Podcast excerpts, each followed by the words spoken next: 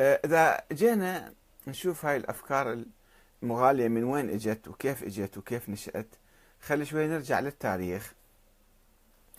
آه، نظرية الإمامة برزت في القرن الثاني الهجري نظرية الإمامة الإلهية.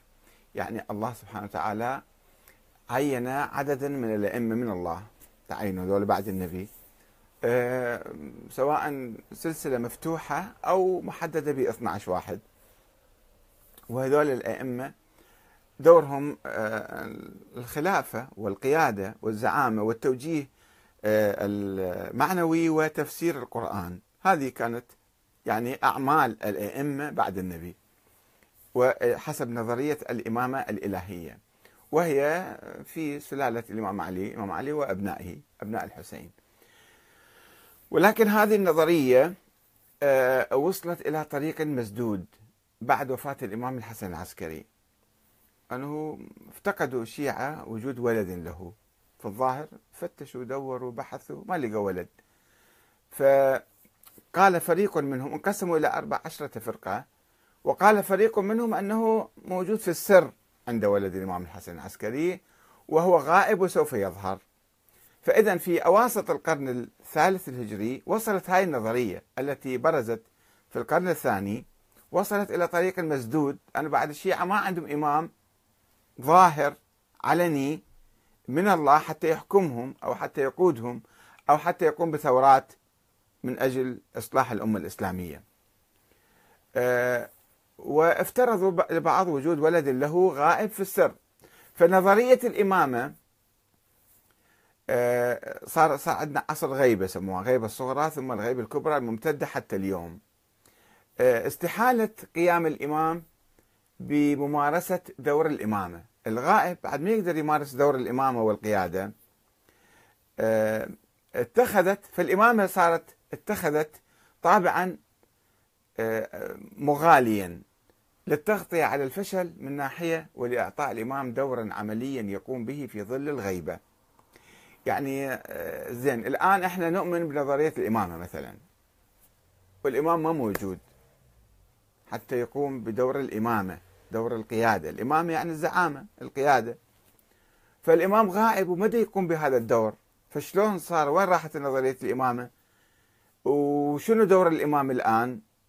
فصار عند الشيعة في القرن الرابع نوع من الغلو الرابع القرن الرابع الهجري نوع من الغلو في دور الإمام. آه، فكان أن أعطى الغلاة المفوضة إلى الإمام دورا كبيرا في إدارة الكون وحفظ الأرض وما إلى ذلك من أساطير الغلاة قاموا يختلقون. أنه الإمام طيب شنو شغل الإمام الآن؟ الإمام الغائب. ما يقوم لا بثورة لا بتعليم لا بتفسير القرآن لا أخذ الخمس ولا بتوزيع الخمس ولا أي شيء. قالوا ها هذا هو دوره الآن هو إدارة الكون. صاروا يحكون دول الناس الجهل الغلاة المفوضة. انتشرت هذه الأفكار المغالية في موجة جديدة. هاي كانت في ذيك الأيام الأولى في القرن الثالث الرابع واستمرت وصارت موجة انطلقت مرة ثانية قبل قرون. مع انتشار الحركة الأخبارية في القرون القليلة الماضية. الحركة الأخبارية هي أيضا ما عندها كلام عن الأئمة الأئمة ما موجودين فصار يأخذون أحاديث الغلاة ويعيدوا تكرارها ويعيدوا نشرها. آه، قبل أن تتصدى لها المدرسة الأصولية التي أعادت التشيع إلى توازنه واعتداله. المدرسة يعني الأساسية والكبيرة عند الشيعة يسموها المدرسة الأصولية. في مقابل المدرسة الأخبارية التي انزوت إلى بعض الأطراف. ورفضت الكثير من خرافات الأخباريين. ومع ذلك فقد انبثقت من القرن التاسع عشر مدرسة أو حركة عرفت بالحركة الشيخية التي انتمت إلى المدرسة الأصولية في الفروع ولكنها تشبثت بالمدرسة الأخبارية في العقائد والأصول. صار مزجت بين الأخبارية وبين الأصولية. وقد استطاعت المدرسة الأصولية التي ترعرعت في النجف وكربلاء في القرن التاسع عشر أن تقضي على الحركة الأخبارية والشيخية أيضا وتعزلهما في نطاق ضيق جدا. ولكنها شهدت أيضا بعض من يدعي الانتماء إلى المدرسة الأصولية يميل إلى النهج الأخباري الحشوي فيما يتعلق بنظرته إلى أئمة أهل البيت. يعني ظاهرا هي سيطرة المدرسة الأصولية ولكنها في الواقع بعض العلماء اللي ما يتعمقون وما يدرسون جيد وخاصة في الأمور العقائدية فياخذوا عقائدهم من وين؟ من هالأخبار الموجودة من الأدعية من الزيارات من بعض الكتب الضعيفة ياخذوها بدون عقيدتهم بدون تحقيق بدون آه اجتهاد بدون تدقيق. وهذا مو أنا أقوله. عندما أنتم تقارنوا هالكلام العجيب الغريب اللي يصدر من عندهم وتشوفون بالقرآن أصلا ما موجود أي إشارة لهذا الموضوع. تكتشفون أنه هذه أشياء دخيلة على الإسلام ودخيلة على التشيع.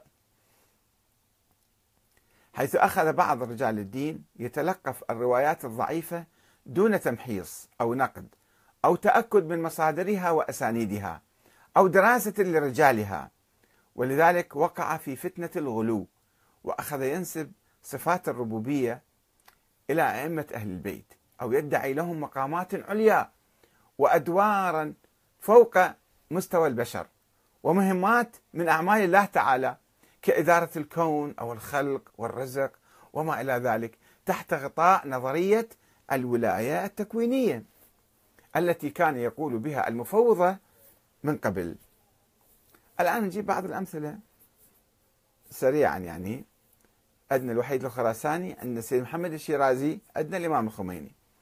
ويمكننا أن نأخذ أمثلة على ظاهرة الغلو الجديدة آه، بعدد من المشايخ من أمثال الشيخ محمد حسين الوحيد الخراساني مدرس علم الأصول في قوم الآن عمره فوق التسعين 94 95 سنة. آه، والذي يقول بصراحة بتفويض الله تعالى للأئمة الخلق والرزق وما إلى ذلك من أعمال الله تعالى وإن الأئمة هم وسائط فعاليات مخلوقاته. هم الوسيلة اللي يسوونها إدارة الكون. ويدعي أن هذا تفويض صحيح. لا ينافي الإيمان بالله تعالى.